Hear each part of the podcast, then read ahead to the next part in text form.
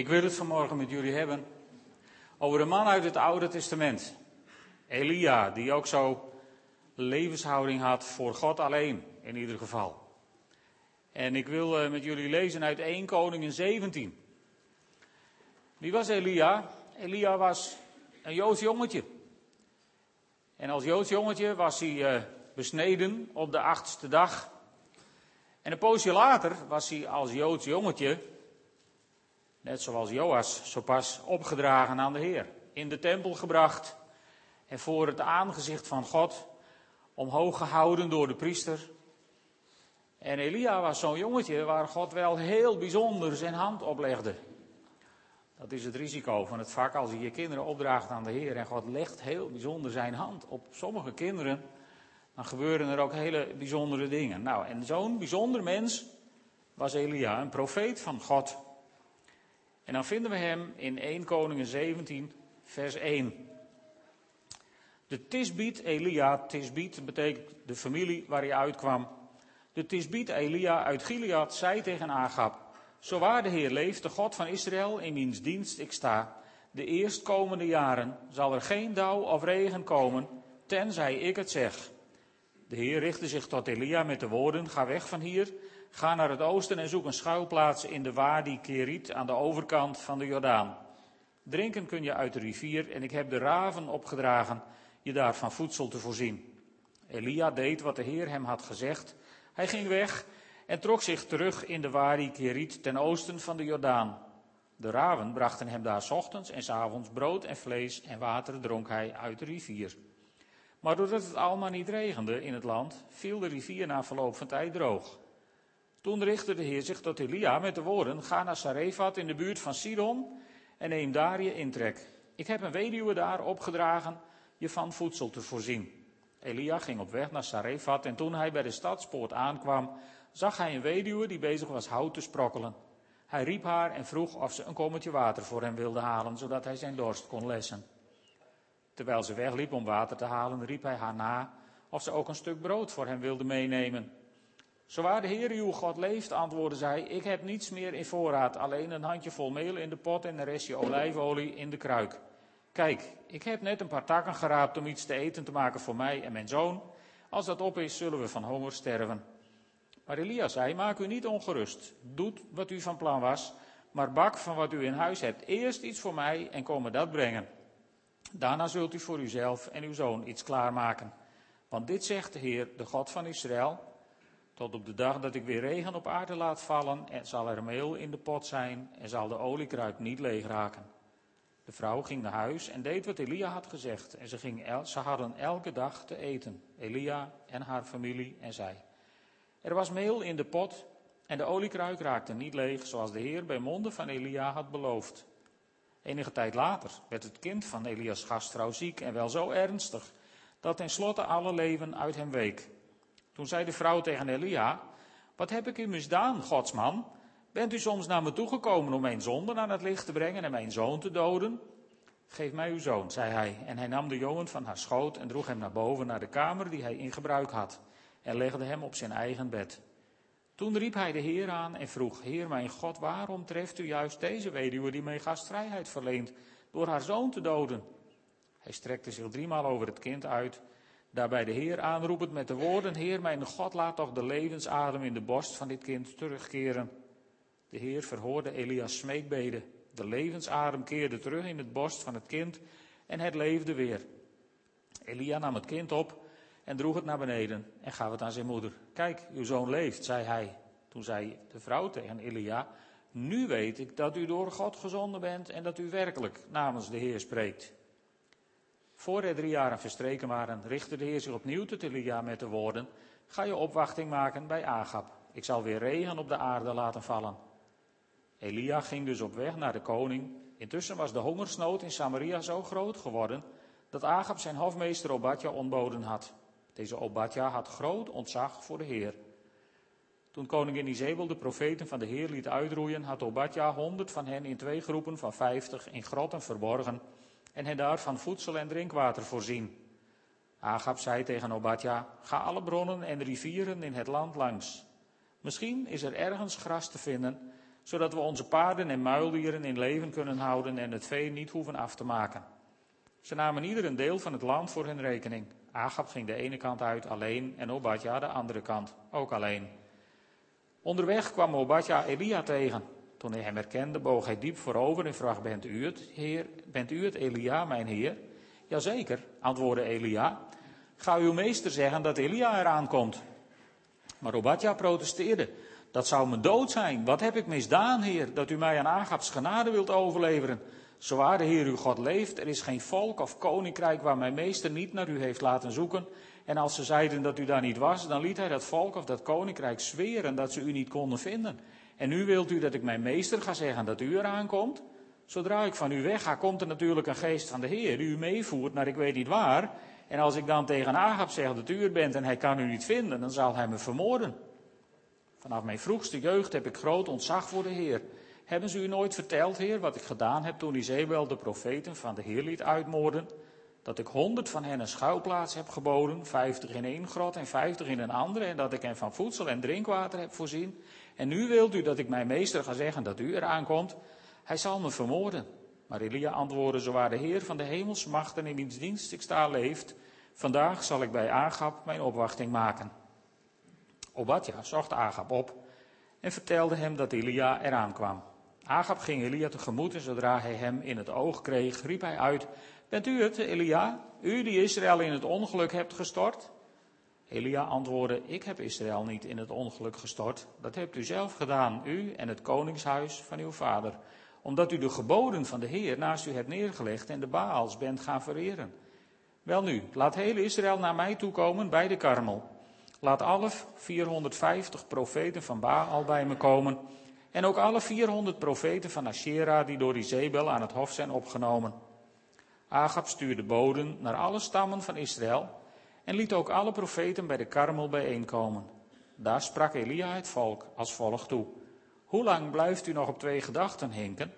Als de Heer God is, volg hem dan. Is Baal het, volg hem. De Israëlieten zeiden niets. Toen zei Elia, ik ben de enige profeet van de Heer die nog over is. Het, de profeten van Baal zijn met 450 man. Breng ons twee stieren. Zij mogen als eerste een stier uitkiezen. Laten ze die in stukken snijden en op een brandstapel leggen. Maar ze mogen het hout niet aansteken. Ik zal de andere stier gereed maken en op een brandstapel leggen. Maar ik zal het hout niet aansteken. U moet de naam van uw God aanroepen en ik zal de naam van de Heer aanroepen. De God die antwoordt met vuur is de ware God. Heel het volk stemde met dit voorstel in. Begint u maar, u bent met velen, zei Elia tegen de profeten van Baal. Kies maar een dier, maak het gereed voor het offer. Roep dan de naam van uw God aan, maar steek het hout niet in brand. De profeten namen een van de twee beschikbare stieren en maakten die voor het offer gereed. De hele morgen lang riepen ze Baal aan. Baal, geef ons antwoord. Maar het bleef stil en niemand gaf antwoord, hoe ze ook dansten en sprongen rond het altaar dat daar was opgericht. Toen het middaguur aanbrak, begon Elia hen te honen. Roep zo hard als u kunt, hij is toch een God? Hij heeft zeker iets anders te doen. Ik denk dat hij zich even moest afzonderen. Is hij soms op reis gegaan? Misschien slaapt hij, je moet u hem wekken. De profeten riepen uit alle macht en brachten zichzelf, zoals hun gewoonte was, met zwaarden en lansen, verwondingen toe, tot het bloed over hun lijf stroomde. In vervoering bleven ze schreeuwen. Maar ook toen het middaguur al lang voorbij was en het uur voor het graanoffer aanbrak, was er nog steeds geen enkele reactie gekomen. Het bleef stil. Niemand gaf antwoord. Elia zei tegen de Israëlieten dat ze naar hem toe moesten komen. Toen ze bij hem waren komen staan, bouwde hij het verwoeste altaar van de Heer weer op. Hij nam twaalf stenen, evenveel als het aantal stammen van Israël. De nakomelingen van de zonen van Jacob, tot wie de Heer had gezegd, Israël is je nieuwe naam. Met die twaalf stenen maakte hij een altaar van de ter ere van de Heer. En daaromheen liet hij een geul graven met een lengte van 200 el. Hij stapelde het brandhout op, sneed de stier in stukken en legde die op de brandstapel. Toen zei hij: Vul vier kruiken met water en giet die over het offer en het brandhout uit. Toen dat gebeurd was, liet hij het nog een tweede en een derde keer doen.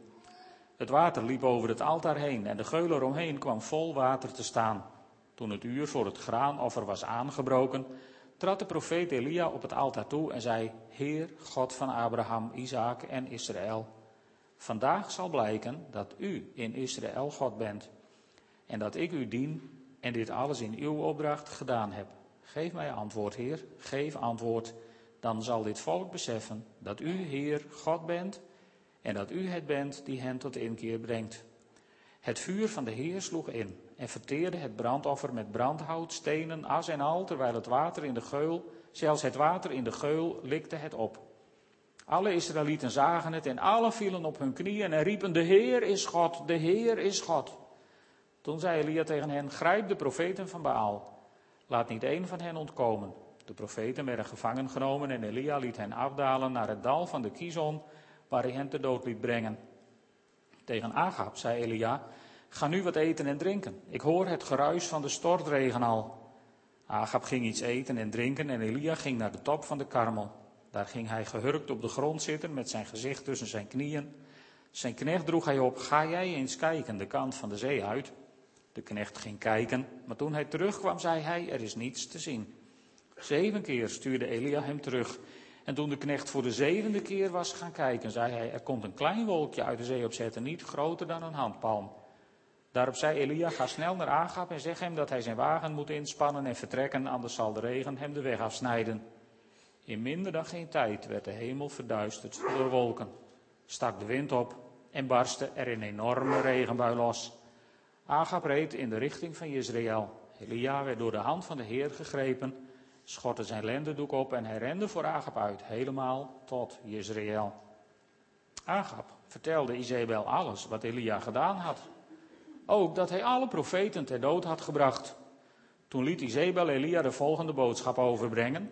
De goden mogen mij doen wat ze willen, als u morgen om deze tijd niet hetzelfde lot ondergaat als zij. Elia werd bang en vluchtte om zijn leven te redden. Bij Beersheba in Juda aangekomen liet hij zijn knecht achter en zelf trok hij één dagreis ver de woestijn in. Daar ging hij onder een bremstruik zitten, verlangend naar de dood, en zei: Het is genoeg geweest, Heer. Neem mijn leven, want ik ben niet beter dan mijn voorouders. Hij viel onder de bremstruik in slaap, maar er kwam een engel die hem aanraakte en zei: Word wakker en eet wat. Elia keek op en ontdekte naast zijn hoofd een brood in gloeiende kooltjes gebakken en een kruik water. Nadat hij had gegeten en gedronken, ging hij weer onder de struik liggen. Maar de engel van de Heer kwam terug, raakte hem opnieuw aan en zei: Sta op en eet wat, anders is de reis te zwaar voor je. Elia stond op en toen hij had gegeten en gedronken, liep hij gesterkt door dit voedsel veertig dagen en veertig nachten door de woestijn, tot hij bij de Horeb kwam, de berg van God. Daar ging hij een grot binnen om er de nacht door te brengen. Toen richtte de Heer zich tot hem met de woorden: Elia, wat doe je hier? Elia antwoordde: Ik heb me met volle overgave ingezet voor de Heer, de God van de hemelse machten. Maar de Israëlieten hebben uw verbond met hen naast zich neergelegd, uw altaren verwoest en uw profeten gedood. Ik ben als enige overgebleven en nu hebben ze het ook op mijn leven voorzien. Kom naar buiten, zei de Heer, en treed hier voor de berg op mij aan. En daar kwam de Heer voorbij. Er ging een grote krachtige windvlaag voor de Heer uit, die de bergen spleet en de rotsen aan stukken sloeg, maar de Heer bevond zich niet in die windvlaag. Na de windvlaag kwam er een aardbeving, maar de Heer bevond zich niet in de aardbeving. Na de aardbeving was er een vuur, maar de Heer bevond zich niet in dat vuur. Na het vuur klonk het gefluister van een zachte bries. Toen Elia dat hoorde, sloeg hij zijn mantel voor zijn gezicht. Hij kwam naar buiten en ging in de opening van de grot staan. En daar klonk een stem die tot hem sprak: Elia, wat doe je hier? Elia antwoordde: Ik heb me met volle overgave ingezet voor de Heer, de God van de hemelse machten. Maar de Israëlieten hebben uw verbond met hen naast zich neergelegd, uw altaren verwoest en uw profeten vermoord. Ik ben als enige overgebleven en nu hebben ze het ook op mijn leven voorzien. De Heer zei tegen Elia: Keer terug en ga naar de woestijn van Damascus. Daar aangekomen moet je Hazael tot koning van Aram zalven. Jehu, de zoon van Nimzi, moet je zalven tot koning van Israël. En Elisa, de zoon van Safat uit Abel Megola, moet je tot je eigen opvolger zalven. Tot zover. Een heel lang verhaal. En ik wil er een paar dingen over zeggen. Elia, die profeteert droogte. En dat maakt je over het algemeen niet populair in het land. Dus hij moet al snel op de vlucht. Voor Agap. En dan komt hij bij een wadi, staat er in de nieuwe Bijbelvertaling. Hij komt bij zo'n woestijnbeek, waar zeg maar in natte tijden een riviertje stroomt en in droge tijden niks. Dan is het gewoon woestijn. En dat noemen ze daar een wadi. En hij gaat daar eigenlijk zonder tegensputteren, gaat hij daar naartoe. Het is heel opvallend, want God zegt tegen hem, ik zal de raven opdragen je van voedsel te voorzien. Nou, ja, wie gelooft dat? Elia wel, dus die, die sputtert niet tegen, heeft geen tegenwerping en gaat braaf daarheen en zit daar ten neer. Maar goed, na een tijdje is het water vertrokken en, uh, en dan krijgt hij een nieuwe opdracht. Want dan moet hij gaan naar Sarfat, naar een weduwe, zegt God, die heb ik opdracht gegeven om voor je te zorgen. Het is dan opvallend als hij bij Sarfat komt, met die profetie is zijn zakje zo van, hier is een weduwe, die heeft opdracht om voor mij te zorgen. Dan is daar wel een weduwe, maar die weet kennelijk van niks. Want die sputtert nog wat tegen. Niet eens zoveel trouwens. Die weduwe is een opmerkelijke vrouw. Alleen ze zegt, ik, ja, we hebben niks meer. Ik heb nog, nog een beetje bloem en ik heb nog een heel klein beetje, olie in de fles. En dat maken we even op en dan gaan we dood. Heel fatalistisch. En dan zegt Elia, die zegt iets heel merkwaardigs tegen haar. Wij zouden denken, nou, hij heeft, hij heeft niet geluisterd.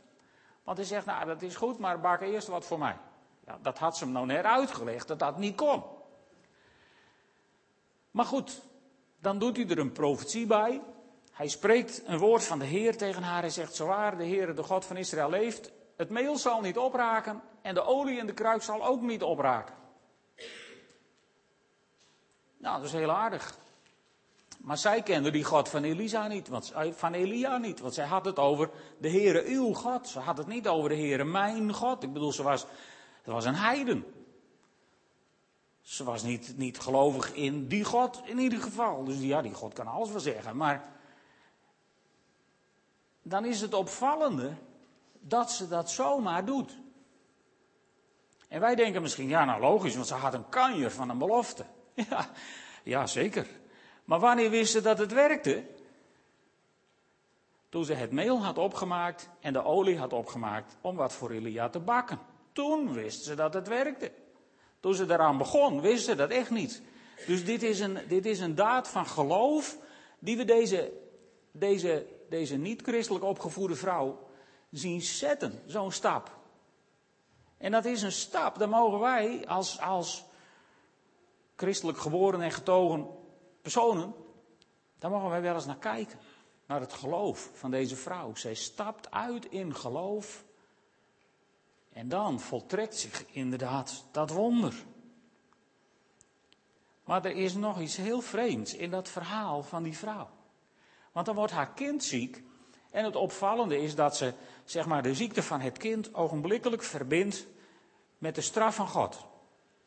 Als je dat dan weer leest, zou je zeggen, nou, ze kon wel een, een, een redelijk zwaar Calvinistische achtergrond hebben, als je dat zo ziet. Had ze niet, maar merkwaardig dat eigenlijk God dan direct de schuld krijgt. Maar goed, dat kind wordt ziek en sterft. En Elia die, die bidt intens en God doet een geweldig wonder en dat kindje komt weer tot leven. En weet je wat mij dan opvalt in het verhaal? Dan zegt die vrouw tegen Elia: Nu weet ik dat u door God gezonden bent en u werkelijk namens de Heer spreekt. Vind je dat niet vreemd? Ze aten misschien al wel twee jaar uit een leeg pak bloem en een lege fles Bertolli. Ik bedoel, hoe groot moet het wonder zijn wat God aan je voltrekt? Ze aten al een jaar of twee van helemaal niks. En na dit wonder zegt ze ineens, nu weet ik. Volgens mij wist ze dat al lang. Maar nu weet ik, zei ze, nu weet ik. Opvallend, heel typisch. En toch een hele bijzondere vrouw. En dan gaat Elia, of dan krijgt Elia een nieuwe opdracht van de Heer. Elia krijgt opdracht van ga heen en vervoeg je bij Agap. Ja, doei. Die stond hem naar het leven. Dit was net zo'n opdracht als Mozes, die de opdracht geeft van ga en vervoeg je bij de farao. Ja, hartelijk gegroet. Dat is de laatste plek waar ik heen wil. En Agab was de laatste persoon die Elia onder ogen zou willen komen. En toch sputtert hij niet tegen. Elia is een ontzettend voorbeeld voor ons van gehoorzaamheid aan het spreken van God. Hij krijgt die opdracht en hij gaat zonder tegenwerpingen op reis. Op zoek naar Agab. En dan ontmoet hij nog zo'n bijzondere man, Obadja. Obadja wordt ons hier voorgeschilderd als een heel vroom man. Die in de tijd dat de christenvervolging uh, zeg maar op zijn maximum was, had hij honderd profeten verborgen en die had hij van eten en drinken voorzien. In een tijd van hongersnood, hè, om het even in goede proporties te zetten. Dat was een, een mega prestatie. En dan zou je zeggen, die Obadja is net zo'n man als Elia, een kanjer in het geloof. En die Obadja, die heeft me toch een godsbeeld daar val je stijl van achterover. Want wat hebben we gezien? Die weduwe, die God niet kende, die gehoorzaamde, bijna blind. Obadja, die God heel erg goed kende, moet je eens opletten wat hij zegt. Die zegt, ja, eh, gegroet. Zometeen haal ik Agap. En dan komen we terug en dan heeft God jou gauw mee weggenomen. Obadja had kennelijk een beeld van een God die gemene spelletjes met een mens speelt. Dan zult u misschien denken, daar heb ik geen last van. Maar ik zou je vertellen, ik heb wel van die tijden gehad dat, dat, dat het leven niet liep zoals, zoals ik gedroomd had dat het zou gaan lopen. En dat mensen tegen je zeiden, ja, en God, nu stelt God je op de proef. En dan dacht ik, nou dat is mooi. En zometeen, dan breek ik onder die proef. En dan zegt God, jammer, helaas, en dan wordt hij bij het grof vuil gezet. Zo'n godsbeeld heb ik ook gehad. U waarschijnlijk vast niet, want u bent natuurlijk helemaal evangelisch opgegroeid. Maar het is vreemd wat voor typische beelden van God mensen in hun gedachten kunnen hebben. Je wordt door God weggestuurd om iemand te halen, iemand bij de Heer te brengen en dan kom je met die persoon bij de Heer en de Heer stiekem vertrokken. Gauw weggegaan. Wij zouden dat helemaal niet eerlijk vinden. En dat zou ook helemaal niet eerlijk zijn. Maar wat voor godsbeeld had deze man Obadja? Heel typerend, heel opvallend. En Elia moet al zijn overtuigingskracht uit de kast halen. Om hem te bewegen om toch te doen wat God zegt. Twee tegenstellingen. Een weduwe die ogenblikkelijk gehoorzaamt aan het woord van God en prachtige wonderen ziet. En Obadja die denk dat God een smerig spelletje met hem speelt en, en eigenlijk maar heel schoorvoetend gaat doen wat God hem gezegd had. Maar goed, hij doet het uiteindelijk toch. En dan komt het tot dat beroemde verhaal uit de Bijbel, de offerwedstrijd op de Karmel, die door Elia glorieus gewonnen wordt. Een prachtig verhaal, waar ik het vandaag nou net even niet al te uitgebreid over willen hebben over wil hebben. Maar wat je ziet, is het is het absolute hoogtepunt uit de carrière van Elia. Het absolute toppunt. En, en ik weet niet hoe het met u gaat, maar als ik dan verhaal, dat verhaal dan lees, dan denk ik, Heer, als je nou toch één keer in je leven zo'n ervaring met God zou mogen hebben, dan twijfel je nooit en te nimmer één keer weer dan ben je voor altijd helemaal fan van God. En de andere ochtend krijgt Elia een briefje van de koningin Izebel. En die bedreigt hem. En dan staat daar in de Bijbel zo'n zinnetje wat je verstand bijna op nul zet. Elia werd bang en vluchtte. Elia werd bang. Het is dat het in de Bijbel staat, anders zou je het niet geloven. En dan lees je dat en dan denk je, hoezo bang? Hé hey, Elia, denk even aan gisteren. Waar ben je, wat gebeurt hier met je? Elia, hoe kan dat nou? Elia, help, wat gebeurt hier? Wat is er aan de hand? Hoe kan dit dat je bang wordt? Elia had een ontmoeting. In de geestelijke wereld ben ik van overtuigd, had Elia een ontmoeting. Met de geest van Izebel. Die hoor je misschien wel eens, die wordt ook wel eens te pas en te onpas genoemd. Maar ik denk dat er een geestelijke macht achter die Izebel zat. De geest van Izebel, laten we het zo maar even noemen. En, en daar wordt Elia mee geconfronteerd. En die geest van Izebel, dat is een geestelijke macht die een betovering op mensen legt, waardoor je niet meer ziet wat je zou moeten zien. En, en, en dingen denkt en doet die je niet zou moeten denken en doen. Dat is een hele bijzondere geestelijke macht die je in de Bijbel een paar keer tegenkomt. Bijvoorbeeld in Galaten 3, vers 1, daar schrijft Paulus aan de gemeente van Galatië, een gemeente van heidenen die tot geloof is gekomen. En dan komen er, er, er uh, Joden, en, of tenminste bekeerde Joden, en die komen hen onder de wet terugbrengen. En dan schrijft Paulus zo onverstandige Galaten, wie heeft u betoverd? Hij zegt niet, hoe komen jullie zo stom? Hij zegt ook niet, waarom denken jullie niet even na? Nee, hij zegt, wie heeft u betoverd? Want er is iets bijzonders met jullie aan de hand. Dit is niet normaal, wat hier gebeurt. En uh, door die betovering doe je dingen die je normaal gesproken als weldenkend mens nooit zou doen. En zo wordt ook Elia bang en vlucht. En even later in het verhaal, want die Zebel die kon er wat van, zie je nog zo'n verhaal in 1 Koningen 21. Daar, eh, daar, daar wandelt Agap in zijn tuin en die denkt, eh, nou, de tuin is wat krap, er moest eigenlijk een hoekje bij. En die zegt tegen de buurman, doe mij jouw tuin. En Nabot, die wil dat niet. Dat kon ook niet naar Israëlisch recht. En dan schrijft Izebel een briefje aan de oudsten van de stad. En dan staat toen deden de mannen van zijn stad, de oudsten en de edelen, die in zijn stad wonen, zoals Izebel hun had opgedragen.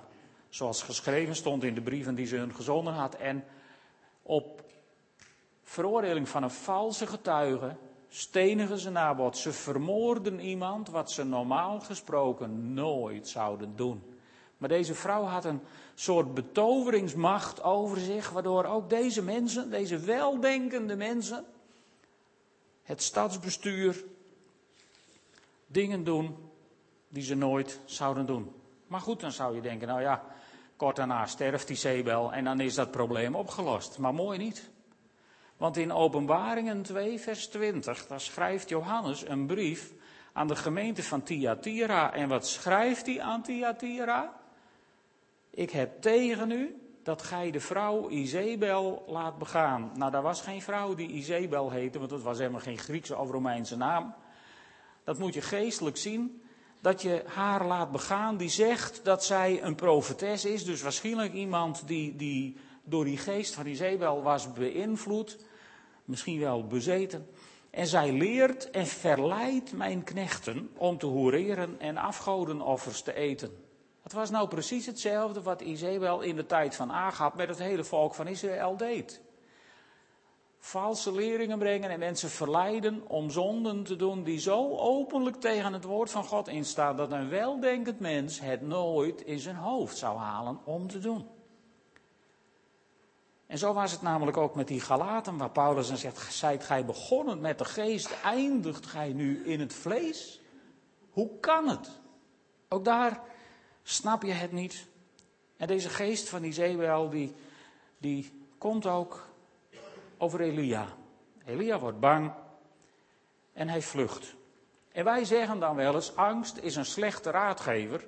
Nou, in dit verhaal kun je ontzettend goed zien hoe dat principe werkt. En daar wil ik nog heel even met jullie bij stilstaan. Kijk maar eens naar het patroon van Elia. Elia die wordt bedreigd door Izebel. En waar is Elia? Elia is in Israël, in het noorden van Israël. Je wordt bedreigd en je moet op de vlucht. Waar ga je dan heen? De kortst mogelijke route eruit. En wat was de kortst mogelijke route eruit? Naar het noorden, waar een schattig weduwtje woonde, die best nog een poosje voor hem zou willen zorgen. Dat was de meest logische stap geweest. Maar wat doet Elia?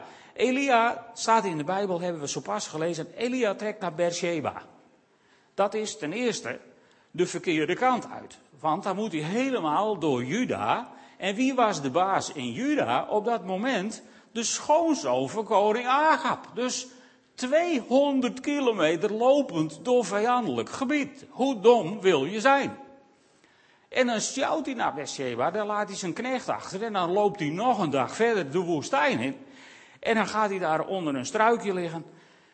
En dan zegt hij, laat me hier wel doodgaan. Nou dan denk ik, dat had thuis ook wel gekund. Wat een moeite. Voor zoiets waanzinnigs. Was gewoon lekker in Israël gebleven. Dan had die Zebel dat de andere dag zo voor je opgelost. Ik bedoel, wat was het probleem? Angst, lieve mensen, is een hele slechte raadgever. En als angst in jouw leven een leidende factor is in de keuzes die je maakt, dan moet je even goed opletten. Want dan moet je daar mee afrekenen. En dat kan door de genade van onze Heer Jezus Christus. Ook luisteraars thuis, als angst een leidende factor in uw leven is, een motivatie in uw leven is. Misschien wel de reden dat u niet in een kerk zit, maar thuis naar de radio luistert. Er is door de genade van onze God iets aan te doen. En in dit verhaal grijpt God in. Een engel die maakt hem wakker en dan is er een broodje voor hem gebakken, een lekker vers afbakbroodje en wat water. En hij kan gewoon heerlijk even ontbijten, zoals je op zondagmorgen allemaal zou willen ontbijten. En dan zou je denken, wauw, dan ga je er weer voor. Maar Elia die kruipt weer onder die struik en die denkt, ik was hier om dood te gaan. Nou, dan had hij beter niet kunnen eten misschien. Maar goed, hij is bezeten door die angst en doet hele domme dingen. En dan krijgt hij van God opdracht om bij hem te verschijnen op de berg Horeb. Dat is nota bene nog 300 kilometer de woestijn in. Maar goed, Elia is gehoorzaam en die zeult 300 kilometer de woestijn in. En dat doet hij maar liefst 40 dagen en 40 nachten over. Misschien denkt u, wat een prestatie, 40 dagen en 40 nachten. Ja, dat is een prestatie om zo lang. Maar hij had geen haast. Laten we eerlijk zijn, hij liep nog geen 7,5 kilometer per dag. Nou, ik ga met wandeltochten mee, dan lopen ze er 50 op hun sloffen. Nou, nee, misschien niet, maar dan iets minder. Maar hij had daar in tien dagen wel kunnen zijn. Dan had hij zich niet overmatig hoeven inspannen. Hij doet er veertig dagen en veertig nachten over. Het was net een mens zoals wij. Als je wilt, dat je, als je weet dat je iets met God hebt te verhapstukken, wat rechtgezet moet worden, dan kunnen wij soms ook zo treuzelen. Jullie misschien niet, maar ik kan dan soms ook zo, zo, nou, zo aarzelend, voetje voor voetje, toch richting God. Want je weet dat je geen andere keuze hebt, dus je je gaat wel, maar, maar eh, niet van harte. En zo komt Elia na een eindeloze tijd, komt hij bij God op de berg Horeb. En dan, dan verschijnt God aan hem. En dan is er eerst die machtige storm, wauw. En dan denk ik, yes, God. Mooi niet. Een aardbeving. En weer niet. En een hoop vuur. Oh, dat dacht die Elia, dacht, dat weet ik nog van de karmel. Dat was God, maar ook niet. En dan komt er het zuizen van een zachte koelte, staat er volgens mij zo mooi in de NBG-vertaling. En dan gebeurt er iets heel merkwaardigs. Elia, die weet op slag van dit is God. Hij doet zijn mantel om zijn hoofd, om God niet te hoeven zien. En hij treedt naar buiten. Hij weet het in één keer. Weet je, als God aan u verschijnt, als God je hart wil aanraken, als God in jouw leven, in uw leven iets bijzonders wil doen, dan weet je op slag dat het God is als het God is. En als je dat niet weet, is het meestal God niet. Of je hebt even niet opgelet misschien, maar. En dan zegt God, dan zegt God niet, nou Elia, mooi stom dat je zo bang bent geworden, hè? Heb ik je daar vuur, vuur op het altaar gegooid en dan reageer je zo. Nou, fijne vent. En God zegt ook niet, nou hè, hè, ben je daar eindelijk 40 dagen, maar wel een hele tijd niet, ik zit hier al 30 dagen te wachten. Nee, ook niet. Heel liefdevol zegt God en Elia, wat doe je hier eigenlijk? En dat is geen verwijtende vraag, maar dat is de beweging om Elia even voor de spiegel te zetten. Elia, wat doe je hier eigenlijk? En dan komt aan het licht waarom Elia in deze valkuil is getrapt. Want Elia komt met het verhaal, ach heer, ik ben zo zielig. Ik ben de enige die is overgebleven. En dat was een leugen. Elia geloofde in de leugen. En er zijn heel veel mensen die moeite met God hebben, die God dingen verwijten, die, die misschien wel niet naar de kerk willen. Misschien zit u thuis ook wel zo. Die God dingen verwijten omdat u gelooft in een leugen. Elia geloofde in de leugen. En dat begon al op de berg Karmel voor zijn grote avontuur met God. Want hoe sprak hij daar het volk toe? Hij zei tegen het volk: Ik ben de enige overgeblevene die de Heer dient. En die van Baal zijn met 450. Obadja had hem net in zijn oor zitten fluisteren dat hij er 100 in een grot had zitten. Dus hij was helemaal niet de enige die er was overgebleven. Hij geloofde in de leugen. En die leugen, die deed hem de andere ochtend de das om toen Isabel zo lelijk tegen hem deed. En nu is hij bij God. En nu komt die leugen naar buiten en zegt: Ik ben de enige. En dan maakt God hem even duidelijk dat er nog 7000 waren die hun knieën voor de Baal niet hadden gebogen. God ontzenuwt die leugen. En dan krijgt Elia een nieuwe opdracht. Hij krijgt, om te beginnen, krijgt hij de opdracht om zijn opvolger aan te wijzen. Dat is eigenlijk het tragische in dit verhaal. En dat is een goede waarschuwing voor ons. Ik weet niet of u het gewend bent om in een discussie wel eens te roepen van luister eens even vrienden, we zijn het niet eens en als het zo moet, stap ik op. Als je in, in, een aantal besturen zit, kom je heel enkel kom je zo iemand tegen. Die meent dat dat een onderdeel van een discussie moet zijn. Dat je gaat zwaaien met je portefeuille. Ik heb altijd gezegd van je mag twee keer zwaaien met je portefeuille. De eerste keer krijg je een waarschuwing en de tweede keer neem ik hem in. En dat doet God hier ook. Elia heeft tegen God gezegd, als het zo moet, dan hoeft het om mij niet meer, laat mij maar doodgaan. En God zegt, oké beste jongen, ga Elisa maar inzegenen als je opvolger. Misschien heeft Elia wel gedacht, nou al, dat was eigenlijk niet de bedoeling. Maar ja, hij had daar om gevraagd. Het tweede wat hij moet doen, is een nieuwe koning van Aram aanwijzen, Hazael. Hazael, je zou zeggen, waarom bemoeit God zich met het aanstellen van een heidense koning, maar Hazael zou een rol spelen in de wraak van God aan de afvalligheid van het volk Israël. Het was ook een wrange opdracht die Elia kreeg om zo iemand aan te stellen. En tenslotte moet hij Jehu aanstellen als nieuwe koning van Israël. En het feit is dat hij daarvoor weer 700 kilometer moet lopen. Om je even bij de getalletjes te bepalen. Als je bang bent voor God en de verkeerde kant uitholt, is de weg terug heel, heel, heel erg lang.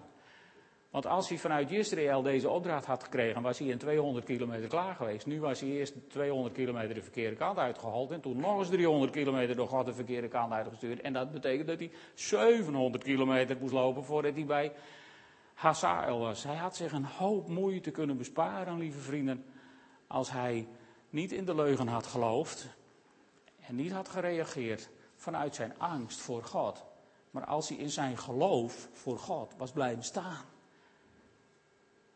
Dat had hij allemaal zich kunnen besparen. En dan komt Jehu, dan wordt Jehu koning. En die komen we dan weer tegen in 2 Koningen 9.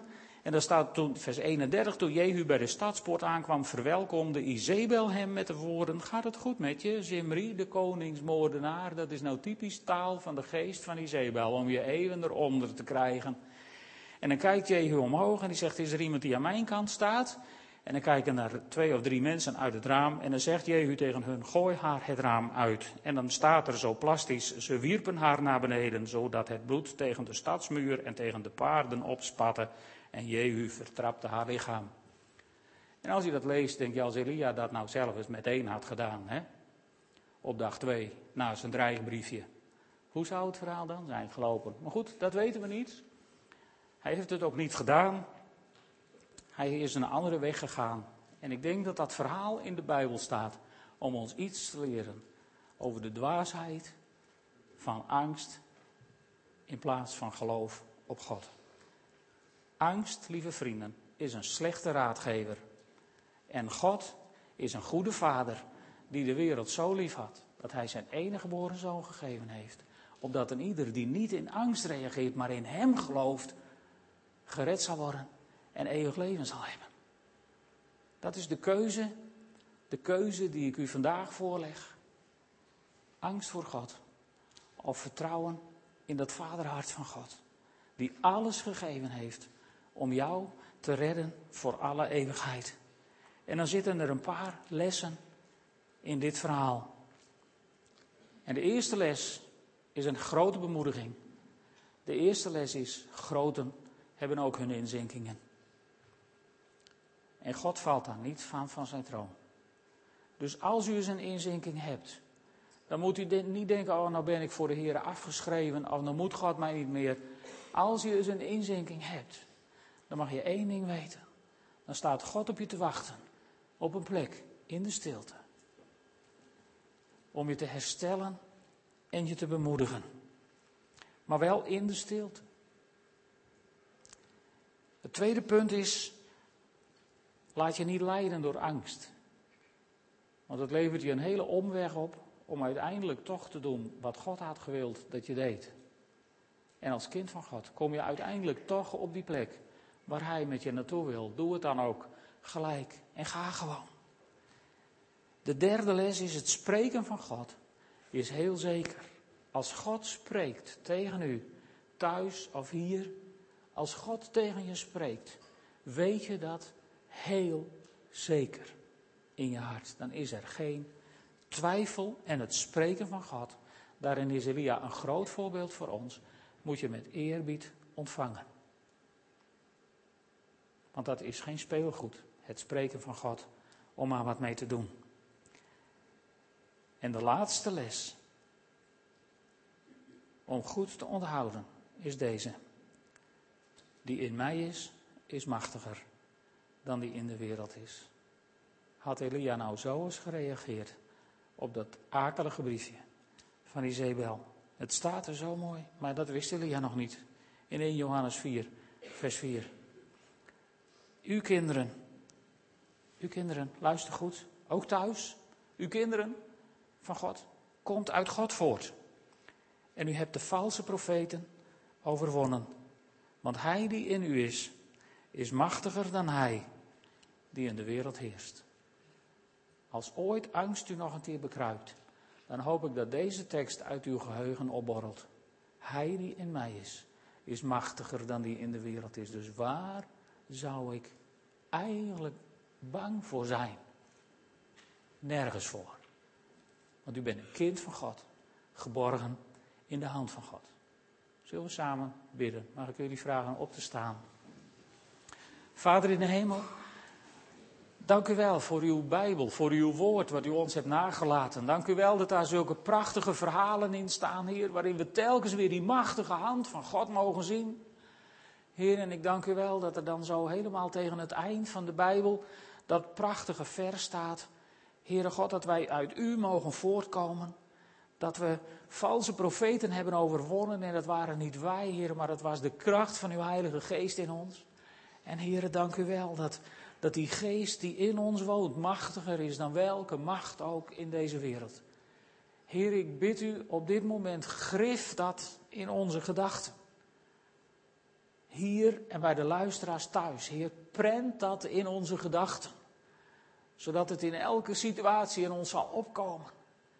En dat we niet in die val van angst zullen trappen, maar zullen weten, halleluja, Heere, u bent in mij en die in mij is, is sterker en machtiger dan die in de wereld is. Leer het ons alstublieft, Heer, om op die manier de aanvallen van de duisternis te weerstaan. Niet omdat wij zo geweldig zijn, maar omdat u zo geweldig bent en omdat u in ons woont. Halleluja. Amen.